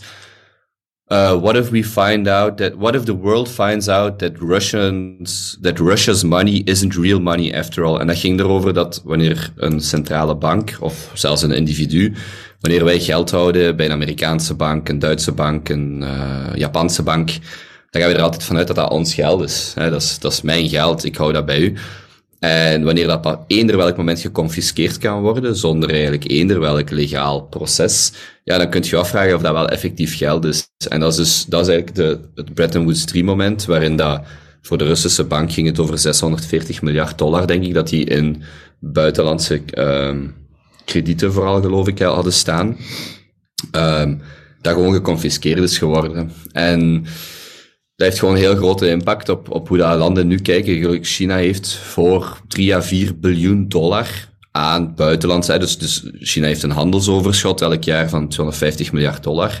Die moeten dat ergens kunnen parkeren. Die doen dat door treasuries op te kopen. Of in Ruslands geval kopen die vooral FX-markten de euro-dollar op. Maar dat gaat al wat technisch wat verder. Maar eigenlijk de veiligste manier is door gewoon obligaties van de Verenigde Staten te kopen. Dat heeft Rusland nooit gedaan. Hè. Die zit in die euro-dollar-markt, maar komt eigenlijk op hetzelfde neer. En dat is heel snel bevroren, vooral door Japan en, en de Duitse banken waar dat de Russen dat voornaamst hadden. En het is gewoon heel het idee van, als je geld van anderen begint te confisceren zonder legale uh, procedure, dan zitten we in een nieuw moment. Want eerst was het gebackt door goud, dan was het gebackt door de belofte van de VS, en nu wordt het gebackt door, wel, niks, want het kan op elk moment uh, geconfiskeerd worden. En dat is zo de realiteit waar we in zitten. En nu ja, heb je allerlei tweede, derde order effecten van de Saudis die een stukje in um, de, in de Chinese renminbi gaan, uh, gaan uh, uitdrukken. Allee, de, de olie... Um, uh, productie of de oliemarkten. En dat begint allemaal zo wat uit elkaar te vallen. En dan, hè, je, je zei, iemand die ik zelf veel volg is Sultan uh, Pozar, die daar heel veel over te vertellen heeft. En dat is nu de vraag, wat gaat er gebeuren? Hè? Wat, wat, wat zegt dat voor de toekomst? Een van de, als ik, als ik te veel wat moet gaan zeggen, maar een van de heel interessante dingen, dus wat de Verenigde Staten betreft, omdat die jarenlang de, de wereldreservemunt hebben gehad, alleen decennia lang, was er altijd een heel grote vraag naar dollars. Hè? Want elk land wou dollars kopen, of goedkope dollars kopen door staatsobligaties van de VS op te kopen om eh, een handelsoverschot in te parkeren, om reserves op te bouwen en dergelijke. En je ziet eigenlijk vanaf de laatste 10, 15 jaar, dus de VS heeft structureel een deficit, die uh, geven meer geld uit dan dat ze binnenkrijgen. Maar de laatste tien jaar zijn landen al gestopt met eigenlijk Amerikaans staatspapier op te kopen. Die zijn beginnen afbouwen. Die zijn niet gestopt, maar die zijn beginnen afbouwen net om hun eigen positie te versterken. En als je de grafiek kijkt van buitenlandse aankopers van Amerikaans staatspapier, hè, dus uh, China, Indië en zo verder, uh, Duitsland, dat gaat zo. En de Federal Reserve gaat zo. Dus wat gebeurt er? Om dat deficit gelijk dat dat hier bij ons ook gebeurt, om dat te kunnen funden, moet de Federal Reserve of de ECB of de uh, Bank of Japan hoe langer hoe meer staatspapier opkopen. Maar dus dat leidt gewoon tot een spiraal die de dollar nog meer onder druk zet. Wacht, en, maar om, om, wat je juist hebt op, uitgelegd in iets simpelere termen uitdrukken. Dus wat ze doen is ze hebben een gat in de begroting, om het zo maar te zeggen. En om dat mhm. gat te dichten gaan ze staatspapier opkopen. Wat betekent ze gaan geld bijcreëren om die staatspapieren mee op te kopen. De beste vergelijking misschien voor een individu hè, is, je hebt schuld op een kredietkaart en je, je gaat nieuwe kredietkaarten aan om de schuld op je vorige kredietkaart af te mhm. betalen. Dat is eigenlijk iets wat een nazistaat aan het doen is. Right? Ja, ja, je zou het misschien zo... Ja, als je die analogie volgt, zou je... Stel, je hebt een schuld bij iemand eh, ik heb 10.000 euro schuld bij Benjamin en ik ga naar Benjamin en ik zeg, ja, maar Teun gaat u volgend jaar 11.000 euro geven. En nu heb een schuld bij Benjamin en bij Teun. En dan ga ik naar Teun en ik zeg, ja, maar Jonas gaat u over twee jaar 12.000 euro geven. En zolang dat buitenlandse actoren, of in dit geval mensen rondom mij, dat opkopen, kun je dat nog in stand houden, zolang dat ik hè, voldoende waarde bied, zolang iedereen mij vertrouwt, gaat dat nog. En dan de analogie met de kredietkaart is, wat als jullie jullie geld terug willen en ik begin kredietkaart na kredietkaart na kredietkaart na kredietkaart op te stapelen, dan wordt dat ineens mijn probleem. En dan heb ik een heel groot probleem. Want daarna, de, eerst kon ik, dat, mijn probleem eigenlijk bij jullie leggen. Want jullie moeten mijn geld terug... Allee, ik moet jullie het geld terugleggen, maar nu ligt het probleem bij mij. En dat is eigenlijk de Federal Reserve die constant kredietkaart schuld uitgeeft. Maar ergens stopt dat, want je zet, je zet gewoon je eigen currency aan het ondermijnen. En in de, in de eurozone kan dat ook perfect gebeuren. Hè. De eurobonds komen er ook aan, maar goed, dat is nog iets verder. Maar dus de, de, de magnitude van dat evenement is wel echt... Ja, van Bretton Woods 3 is, 3 is wel echt gigantisch. Ik zag uh, gisteren zo ook passeren op Twitter, denk ik, in één keer. Ik denk dat bij Zero Hedge of zo. Uh, Russian, Russia must... Wat was het? Het op neer, Rusland kan zijn schuld niet betalen. Dat zag ik zo in één keer passeren. Ja, Zero Hedge is wel een vrij legit Twitter-account. Dus ik zoek daar zo op verder, op de traditionele, de redactie enzovoort. Want ik denk, ja, fuck, dat is echt... Dat lijkt mij gigantisch nieuws, dat die gewoon aan het, als staat aan het defaulten zijn, failliet aan het gaan zijn. En gewoon, kunnen hun schuld niet inlossen. En wat een death spiral betekent dat? Ik weet dat niet. Gewoon niks. Ja. Gewoon niks. Maar die stagiairs, maar die stagiairs interesseert dat niet, hè, die daarvoor schrijven. Ja. Die, ja, ja. Ja. Crazy Oh, times. Ja, en wat misschien ook nog interessant is, want je refereert naar zo die Arthur Hayes artikels, of daar hebben we vorige keer ook naar gerefereerd, is zo de wereld waarin, en wat ik net vertelde zo, eh, buitenlandse actoren kopen Amerikaans staatsprobleem op, en, eh, staatspapier op, op. En dan gaf eigenlijk altijd zo de, de, de, de, als je het in een meme moet uitdrukken, de situatie van our currency, your problem. Dus de VS kon een deficit runnen, kon eh, geld bijprinten. En eigenlijk was dat nooit echt het voorname probleem van de VS, want dat werd toch opgekocht. En nu gaat je naar een wereld teruggaan waar dat het niet de currency is die, die, die dominant is, de dollar, maar de commodities. En dus je ziet dat China al een jaar lang gigantische reserves aan commodities is aan het inleggen. Je ziet door die deglobalisering dat je eigenlijk gaat van just-in-time eh, supply chains naar just in case. Commodities, Ah, ja. Nou joh, commodities jong. Grondstoffen. Grondstoffen. ja. Hey. Real Voor de- stuff. Voor de 12-jarige grondstoffen. Dingen die je uit de grond haalt om... Ja, wat. Maar dus, ehm, dat je eigenlijk naar een wereld gaat van commodities, eh, van, van our currency, your problem, naar our commodities, your problem. En om, eh, om het verhaal verder te vertellen over de inflationaire spiraal waar we in zitten, in een wereld die just in time is, die geglobaliseerd is, waar alles vlot werkt, eigenlijk pre-pandemie, is dat allemaal prima. Maar in een wereld waar we vandaag in leven, met eh, nog supply chains die onder druk staan, en dan een oorlog, eh, of dat nu over voedsel gaat, of over ehm, eh, precious metals, ehm, die landen, gelijk Rusland en China, gaan daar gewoon gigantisch hoorden, wat er, door, wat er louter voor zorgt dat de komende jaren al die grondstofprijzen waarschijnlijk die blijven, waarschijnlijk nog 5 à 10, 15 jaar gewoon een spiraal zitten die omhoog blijft gaan. Niet zozeer omdat er extra productie bij komt, want dat is wat- dan wat je verwacht, maar gewoon omdat landen dat beginnen hoorden, just in case. En dat is gewoon is heel problematisch, want je kunt wel zeggen, wij willen bijvoorbeeld naar eh, net zero emissions of zo, maar als je de grondstoffen niet hebt om een, om een volledige elektrificatie te doen, of, of grondstofreiniging, eh, waterreiniging, of wat dan ook, nucleaire energie, uranium moet je van ergens krijgen, ja, dat is een probleem. En, en dat is zo de spiraal waar we, dat is waarschijnlijk, als je Zoltan volgt, zo de, het verhaal van dit decennium, en misschien de komende zelfs, dat het veel meer, dat de economie veel meer gebaseerd gaat zijn op die commodities die je al dan niet kunt krijgen, en minder op die sterke, geglobaliseerde, dollar eh, gedenomineerde economie. En nu is de vraag, denk ik, misschien voor de gemiddelde luisteraar, die dat het nog niet is afgetrapt. Hè? Dus het, het, wij vinden het super interessant, maar ik weet niet in hoeverre... Ik heb een sportiefje. Dat de gemiddelde Junties, de gemiddelde Junte-luisteraar, eh ja, dit ook super interessant vindt. De vraag gaat waarschijnlijk zijn, wat moet ik hier aan doen? En dan misschien in het, in het thema van not investment advice. Wij gaan linken naar de artikels van Arthur Hayes. En ik heb dat zelf ook gelezen. Dat is relatief toegankelijk. we gaan niet zeggen wat je moet doen hier, maar als je niet de moeite kunt opbrengen om dat gewoon even 20 minuutjes te lezen, waarin dat eigenlijk heel duidelijk wordt toegelicht. Ja. Ja. Ja, je kunt zeggen wat je zelf doet. Hè. Dat is gewoon een stukje, denk eh, goud kopen, fysiek goud. Ja, ey, dat is geen advies, dat is gewoon wat ik doe. Ja, fysiek Gewoon- goud. Wederom fysiek goud. Want we hebben juist proberen dat verschil uit te leggen tussen inside of outside money. Ehm, als het outside money is, dan staat het op iemand anders zijn rekening. Dan kan iemand anders het blokkeren. Dan staat het op Nee, iemand anders andersom, andersom als inside money is. Ah, fuck it up, hè. Dat is oké, dat is oké. Dat is niet de eerste keer, dat is niet de laatste keer. Nee, nee. In, inside is inderdaad als het gewoon geconfiskeerd kan worden als het iemand anders zijn, als eh, iemand anders een liability is. En outside is uw seed phrase van uw bitcoin, uw fysiek goud, uw, wijn, uw wijnkelder, uw domeinnamen. Nee, dat is ook inside. Ja. Dus, teun, goud, fysiek goud. Ik heb goud gekocht. Zo, ja, zo weinig mogelijk cash. En eh, eh, Ik stel die vraag aan Teun, hè.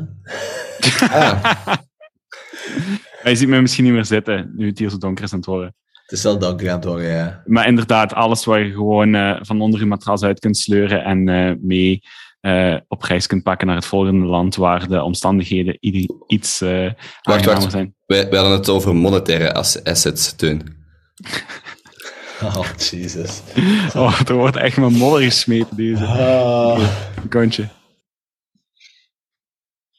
Ja, ik wil nog één ding meegeven. Vandaag zijn de nieuwe eh, inflatiecijfers in de VS uitgekomen. En dat is altijd de year-over-year inflatie. Dus dat vergelijkt de prijzen van maart eh 22 met maart 21.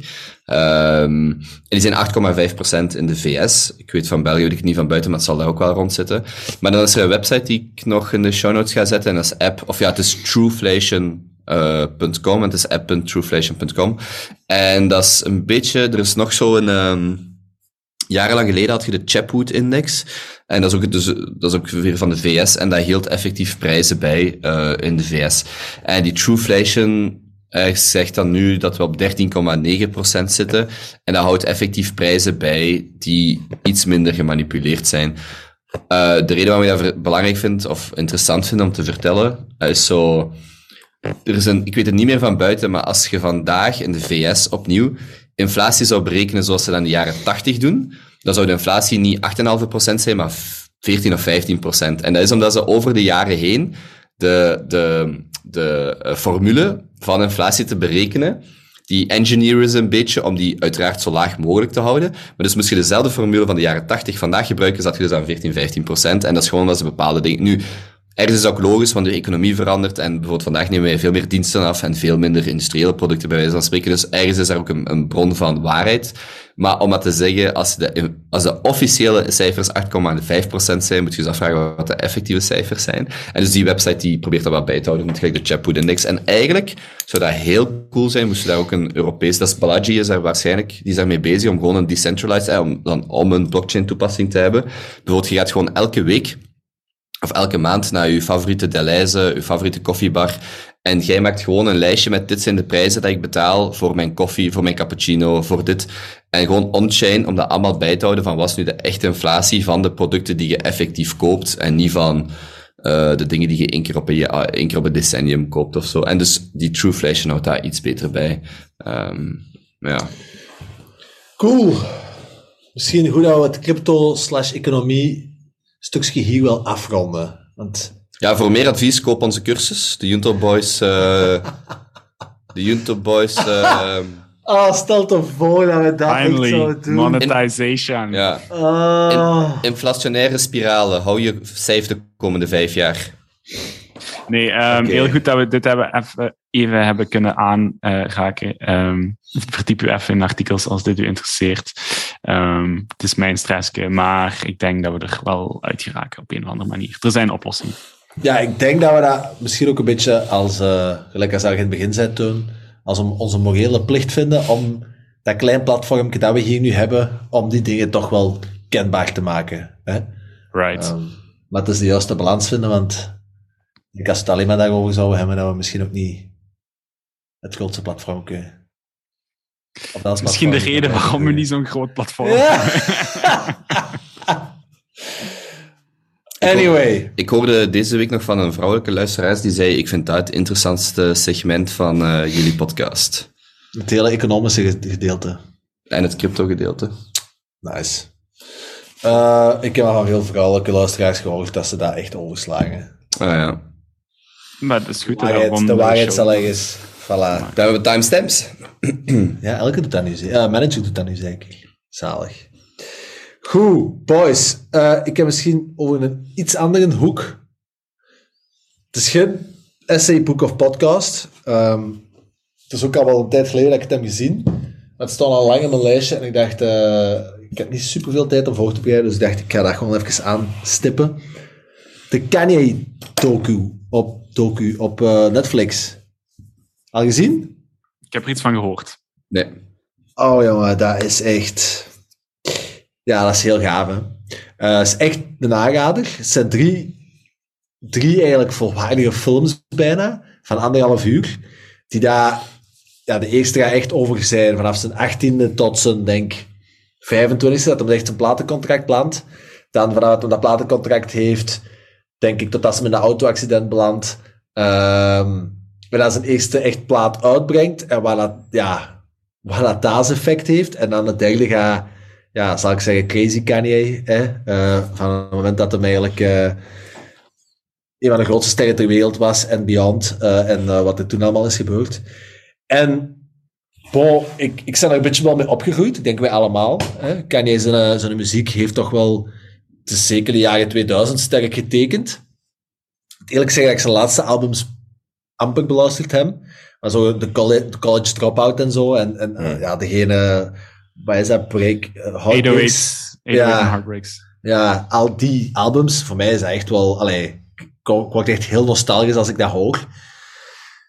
Ja, en echt, eigenlijk, als je zo een kick on the go butt nodig hebt, van dat je denkt, Jesus, ja, ik, allee, moet dingen doen, ik moet gave shit maken, ik moet creëren, ik moet niet stil blijven zitten, ik wil vooruit. En, en om geïnspireerd te worden door iemand die dat, dat eigenlijk al heel zijn leven lang doet, Oh ja, echt, echt een aanrader om te zien. De, de drive, de passie waarmee dat hij doet, als een carrière neergebouwd, dat is ja, ronduit inspirerend. Dus je, die, die, die kwam van Boston, hè? Ehm, dus zeker niet de meest traditionele eh, stad waar dat je als, als zwarte rapper het vandaan moest komen om het te maken in de tijd. Die kwam eigenlijk ook van een relatief oké eh, middeninkomen gezin. Die was altijd zo wel wat proper opgekleed en zo. Dat was geen van de Hood, geen, geen, geen Tupac of Biggie. Ehm, en nou, we spelen ook natuurlijk in zijn, in zijn, zijn teksten. En dat was eigenlijk echt vrij lyrisch. Die rapte niet over bitches en, en, maar echt over ja, onderdrukking en, en echt wel, daar staat echt inhoud achter. En ja, als je dan denkt, dat voelt van buitenaf, voor mij voelde dat altijd zo, van die doet, die is op toneel gekomen en die is gewoon op een, die is ontploft. Hè, dat, zo voelde dat voor mij. Kanye was Kanye, dus Kanye geboren en iedereen had direct door dat dat Kanye was en de rest is geschiedenis. Maar als je die docu dan ziet, die dude heet de godverdomme voor moeten knokken, hè. Dat is echt maf. Bloed, allee, echt bloed, zweet en tranen om dan gesigned te worden bij Def Jam Records, hè, van Jay-Z. En dan is hij gesigned, dus dan kan hij met eigenlijk budget voor zijn album te beginnen opnemen, waar hij al jaren aan het werken is, en dan parkeert hij zijn auto ergens tegen, en breekt hij gewoon heel zijn, heel zijn kaak. En wordt hij zijn kaken op elkaar genaaid voor dat te laten helen. En die zijn eerste nummer van zijn album heeft hij al met zijn kaken dicht, rappend opgenomen, om toch maar vooruit te kunnen gaan, want zijn budget was beperkt. Dus dat eerste nummer, Through the Wire, wat echt een gaaf nummer is ook, dat heeft hij gewoon met zijn kaken op elkaar gerapt. Zo, dat soort van shit. Echt heel cool. En misschien het laatste daarover. Die Kanye was altijd zo heel over superlatieven over zijn moeder. Ik weet niet of je dat ooit hebt opgevangen. Tanda. Tanda, ja. Uh, is echt een mama's kindje. En dan denkt hij, ja, oké, het zal wel zijn. Had een goede moeder. En in die docu, want die zijn maat heeft hij dus echt gewoon, dat is ook het zotte te gaan, die heeft hij eigenlijk heel zijn leven gevolgd. Maar hij had al zo'n drive vanaf zijn achttiende, dat die zijn homies zagen echt van, ja, oké, de Kanye gaat het maken of de Kanye gaat dood. En hij had dan, ja, dat, dat was blijkbaar echt. En een ene maat is hij dan beginnen volgen op zijn achttiende met zijn camera. Dus hij ook echt gewoon footage van decennia oud. Wat echt te zalig is om te zien. Ja, heel cool. Ehm, Zou jij dat met mij willen doen? fuck off. Mij filmen? Eh, en oh, daar kan ik veel op zeggen, maar dat ga ik niet doen. Ehm, en eh nee, ik kan mijn eigen echt inhouden. Nee, je hebt het eigenlijk niet verdiend, maar ik kan mijn eigen inhouden. En dan zie je van waar dat een drive komt. En dat is echt gewoon die moeder. Dat, en dat, dat moment in die documentaire heet is... je ook Martha? Snapt niemand de culturele referentie? Nee, Martha? nee. Stewart. Wat? Nee. Eh, hebben jullie Deadpool gezien? Nee. Die blinde. Nee, dus in Deadpool zegt Ryan Reynolds, Deadpool zo, die komt de moeder tegen en zegt, is your name Martha as well? En dat is de referentie naar Justice League, waar dat ze Superman en Batman aan het vechten zijn op leven en dood. En ineens is er een conflictje omdat die hun moeders alle twee Martha heten. En ineens is er zo, stoppen die met vechten en dat is het dan. Zo'n heel stomme plot twist. Dus Deadpool in de film zegt, is your mother's name Martha as well? Maar dus Martha? Nee. Oké, ja. Nee. Sorry, sorry, dat is eigenlijk. Eh, dus dat eh terzijde, inderdaad. Ehm, ja, die, die moeder, dat is, echt, ehm, dat is echt een extreem gaaf stuk in die documentaire. De eerste keer dat je die ziet, de eerste keer dat je die bezig ziet, en de eerste keer als je die ziet interageren met de zoon, Hmm. ik kreeg daar eigenlijk daar een beetje emotioneel van. Dat was... Ik kende zo van die vrouwen waar daar zo'n soort oerkracht van uitgaat. Meestal zo, ik weet niet, iets gezetter, eh, zwaar leven gehad, altijd positief gebleven, hun eigen kodders grootgebracht, dikwijls zonder vent. Zo, ja, kan het niet anders omschrijven dan een soort van oerkracht. Ehm, ik ben daar ook een beetje mee opgegroeid. Eh, niet mijn moeder, maar zo, oh, lang, lang verhaal. Anyway. Eh, en dat is echt, dat is. De, de drive, allee, de, motivatie en de, ehm, het geloof dat zij in die Kanye, in de zoon, heeft, terwijl dat er niks is om in te geloven, dan zie je, ah ja, vandaag heet en dat. En dat zegt me eigenlijk zoveel over hoe dat je je kinderen zou moeten grootbrengen of zo. Van, ja, gewoon geloof, geloof erin. Geloof in je kinderen. Als die afkomen, mama, papa, ik wil rapper, of mama, papa, ik word dit of dit of dat. Ja, is goed, jij, jij doet dat. En dus die, die Kanye die kwam dan zo, als hij nog niet bekend was, en dan kwam hij binnen en dan was hij zo, dan was wat down, had iets kut meegemaakt. En dan- dan zei hij zo, allee, eh, Kanye, zingt dat liedje nog eens voor mij? En dan had hij zo een nummer, hij had hem wat geschreven voor zijn moeder. En die kon dat van A tot Z gewoon helemaal meezingen met een grote smile. En ja, het is echt mooi om te zien. Ehm, Ik ga hem zeker checken. De vorige film die je mij had aangeraden was ehm, King Richard. Richard? ja, Hou jong. ja, Heftig zeg. Ja, Ik, eh, ik weet niet wat er scheelde, maar ik heb eh, liggen blijten die avond. ja, zot hè? Die scène dat je... Maar ook weer daar, ook weer eigenlijk hetzelfde. Dat, dat, dat je binnenkomt en dat daar de flikken staan. Jongen, jongen, jongen, dat is... Ja, geen spoilers, maar Ja. Dat is, eigenlijk is dat super erg wat er is gebeurd op die Oscars, hè? Want dat haalt heel die film een beetje onderuit, hè? Dus ja, alleen maar aandacht voor wat Will Smith tegen dat hij niemand tegen slept, terwijl dat die acteerprestatie dat hij daarin zet. Oh ja. ja, dat is wel goed. Ik denk dat er zoiets... Dit is zo'n geval van er is geen slechte marketing of er is geen slechte publiciteit. Er zijn gewoon meer mensen die nu die film zijn aan het downloaden. Of aan het kijken. Of aan het... Ja, ik hoop het. Ik vond dat, ja, wow, we zijn, dat is vorige keer, hè. Pijnlijk. Goed dat je leuk dat je het hebt gezien. Yes. Nice. Ik ga de volgende dan ook checken. Ka- eh, hoe noemt hij echt? Kanye de docu? Of... Ja, als je gewoon Kanye ingeeft op Netflix, dan komt erop. Oké. Ook eh, misschien, want we hebben het daar ook al in het verleden over gehad, heugelijk nieuws uit showbizwereld.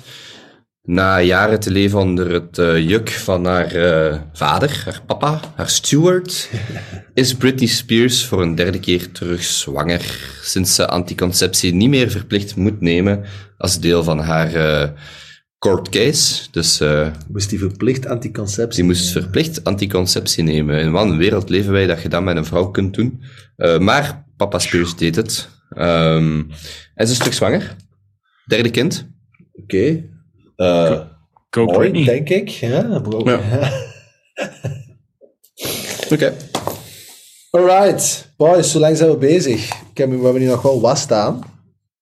Ehm, Ja, voor mij is de laatste aflevering in eh, zes weken, dus eh, ik kan nog wel even doorgaan. je kunt ook opnemen van ondergrond. Nee, nee, dat doe ik niet. Nee?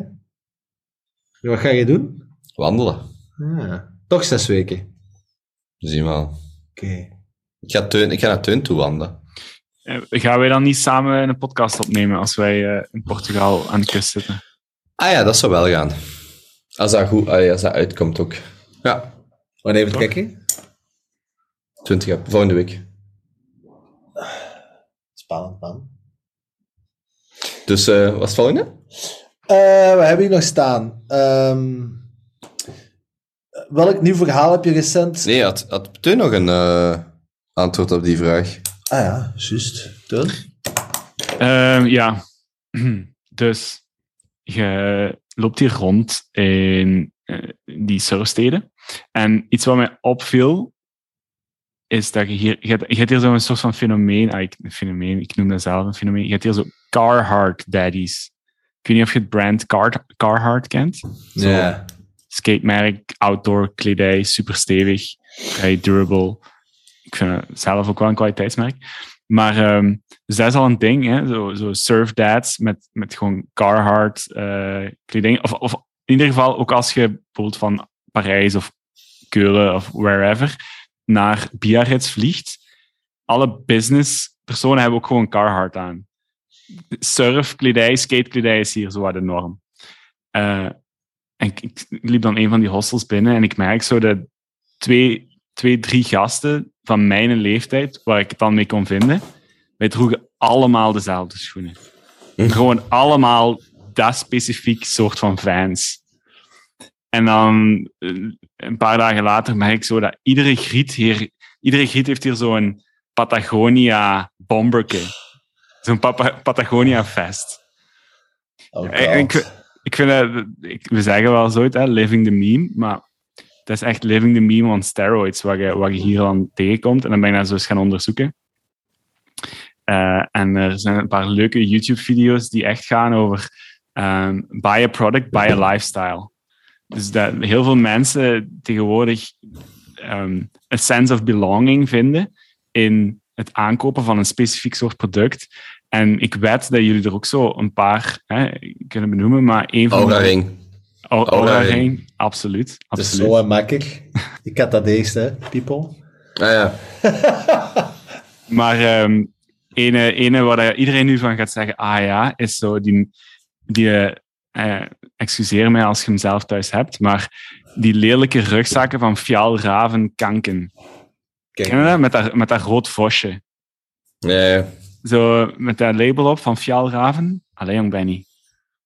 Ja, en anyway, ik dus ken is, niet veel van merken of zo. maar dat zijn, dat zijn dus van die producten die dan een hele scene of een heel eh, movement teweeg brengen. En wat dat Bir is- Birkenstocks toch ook? Allee, misschien niet de laatste vijf jaar, maar daarvoor zeker wel. Als je Birkenstocks had, had je ook sowieso een baard, eh, je eigen plantage in je tuin en jada, jada, jada. Birkies. Birkenstocks. Die heb ik wel. Birkies. Exactly my point. Ja, en dan, eh die video gaat er eigenlijk over dat het kapitalisme of het consumentisme ehm, eigenlijk niet liever heeft dat je een soort van eh, zwak ego of, of, zwak identiteitsgevoel daar rond creëert, dat je constant kunt verwisselen. Hè? Dus dat je constant opnieuw kunt gaan creëren en dat dan om de zoveel tijd met behulp van influencers en, en, en ideaalbeelden eh, opnieuw aan u wordt gepresenteerd, waardoor dat je je vorige identiteit kunt, kunt shedden, hè, kunt laten vallen en, en terug, eh, terug een nieuwe kunt aankweken. Ja, en ik, ik merkte zelf dat ik daar met beide voeten in was getrapt of zo, of, of dat ik daar zo heel hard deel van was. Ehm, en dan ben ik dat eens gaan opzoeken. Ja, vond ik, eh, vond ik inspirerend, Heb je, heb je Carhartt kleren dan buiten gekieperd? Eh, nee, want je merkt dan ook wel dat dat echt gewoon tien keer zo goede kwaliteit is als een Zara. En je hebt hier zo'n outlet, dus alle, ehm, alle stukken van de vorige seizoenen komen in Hoscore terug samen, omdat hier ook de fabrieken zitten van Boardriders. Dus Boardriders is het, eh, de, de- het moederbedrijf van Quicksilver eh, en al die andere merken. En dus dat komt hier allemaal terug samen, dus je kunt hier aan, aan een prikje te pakken krijgen. En jij als de vleesgeworden living the meme dude, wacht, surprised dat je ook in de niet meme van de kleding wacht gevallen? Niet, niet, niet surprised. Ja, wa- ik zat al een beetje in die, in die meme, maar surprised als in hoe duidelijk de meme was. Hmm. Als in, ik heb gewoon al te veel Patagonia-vesten gezien hier. Ik heb al te veel fans gezien. Het ging er gewoon echt over, alsof, alsof er zo de originaliteit een beetje weg is. Mhm. Maar uiteindelijk, ja, Klinkt zoals Gent. ja Gent, hè, dat is echt, ja, Ja, Toch? ja, ja. Daar dragen Dat ze geen BH's, hè. Dat Ik zou mijn okselaar niet scheren als ik in Gent woonde. Scheer jij je okselhaar? Ja, dat is veel hygiënischer. Maar niet scheren, trimmen. Trimmen. Echt nog nooit gedaan. Bon. Eh, ah, trouwens, ik dacht over laatst misschien ook eens leuk om te doen voor de volgende aflevering. Als ze zo eens een, ehm, misschien wel ja, de standaard introductie en hoogtepunt en stressje, maar dat we dan eens gewoon een, eh, een, een focus doen op de Junto Boys health tips. Hmm. Niet slecht. Nee? Ik heb eh, deze week nog eh, drie avonden geleden 2500 calorieën verbrand. Op één avond. Ja, Wat heb je dat gedaan? ik was vergeten dat die pizza nog in de oven stond.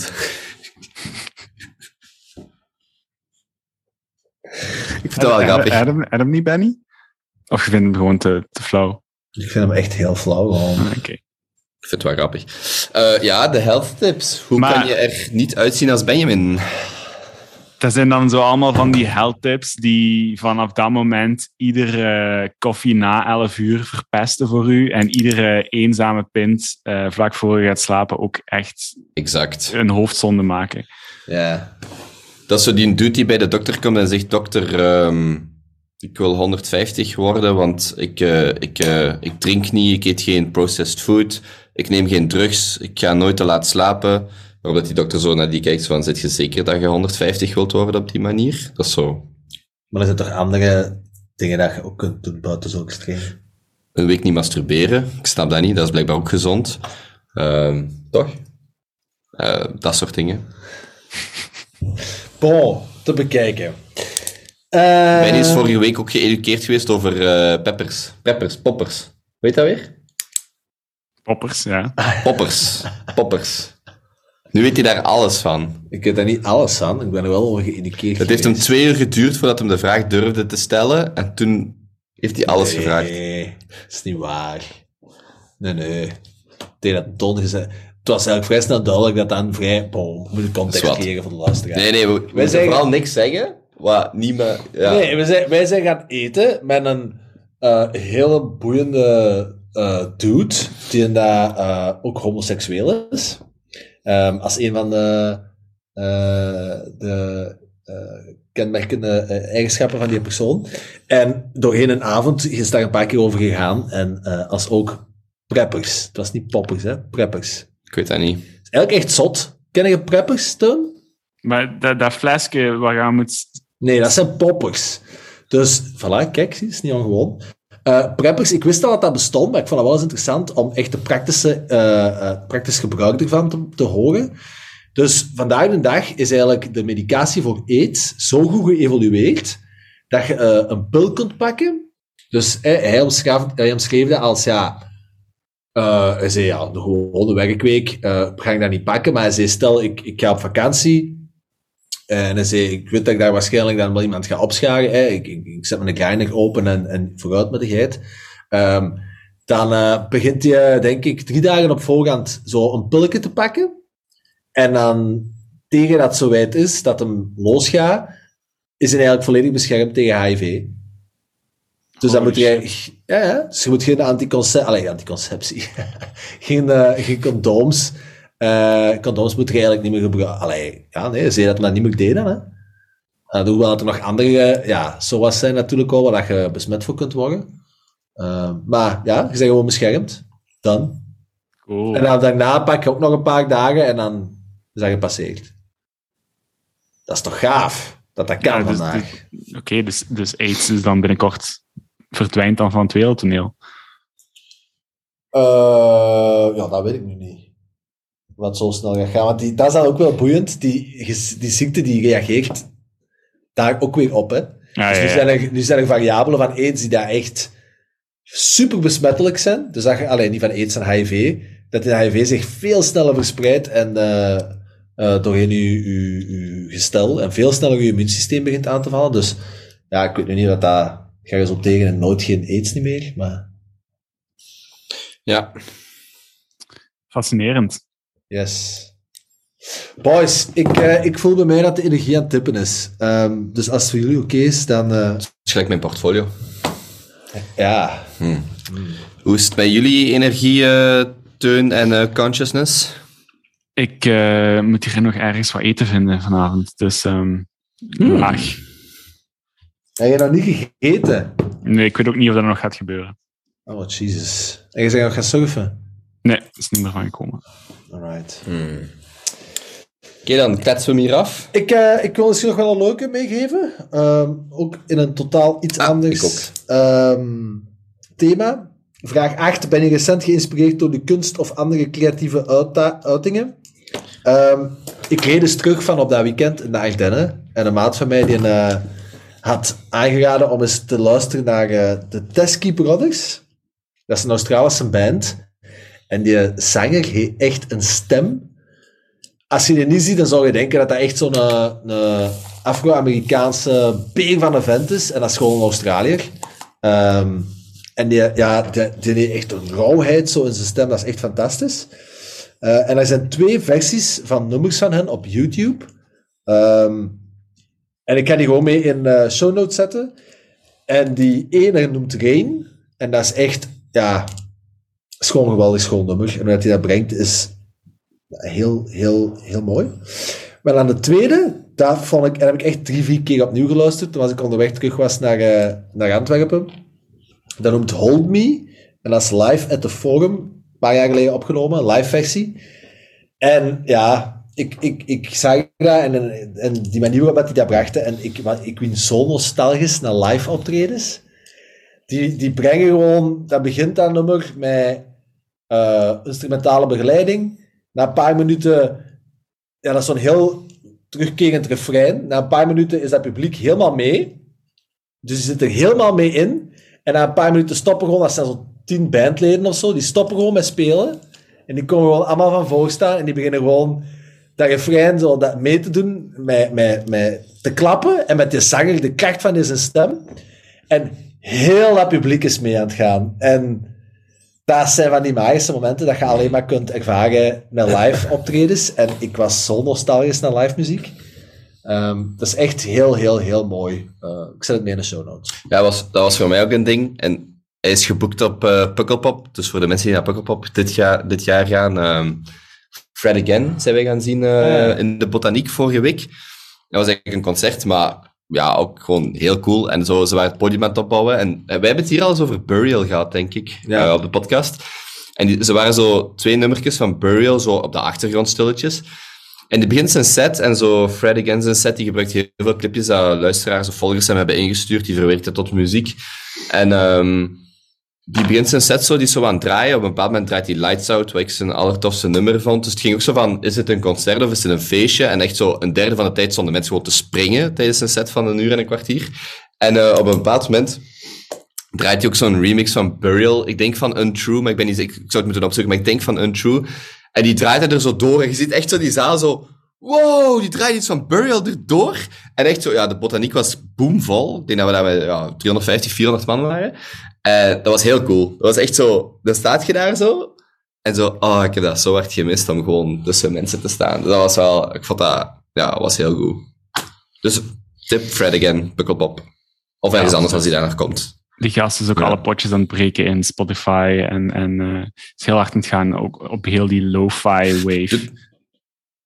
Doet me ook een beetje aan, eh, zo jaren geleden had je Muramasa dat keihard opkwam. Die heb ik ook op, Puk- op Pukkelpop gezien. En hij heeft zo, is andere muziek, maar dat is ook een beetje die vibe. Zo'n jonge UK-dude die zo op zijn eentje zo'n heel ding doet. En dan Romy zingt mij van die XX. Maar Muramasa had dat ook wel, dat hij muziek maakt. En je dacht van, what the fuck doet jij allemaal eh, met, met, met tien instrumenten op een podium?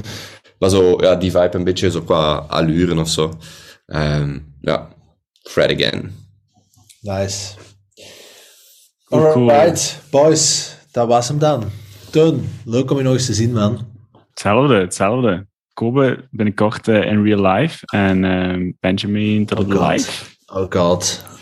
Wij sturen good vibes vanuit eh, de studio. Ja, Thanks, good kom aan. Voelt je ze? Ik voel ze. Maar Benjamin is wel wat Benjamin bezig. Als ik zo zijn hand, als ik zo mijn kin op zijn schouder leg, dat is zo wat bezig. Dat is zo... Kan dat niet wat zachter? Maar oké, ehm, parallele wereld lig ik nu op een zachte schouder. Ehm, ja, oké. Goody Matje. goody. Boys, Bye bye. Doei. Bye. Ik moet een beat geven. Give me one.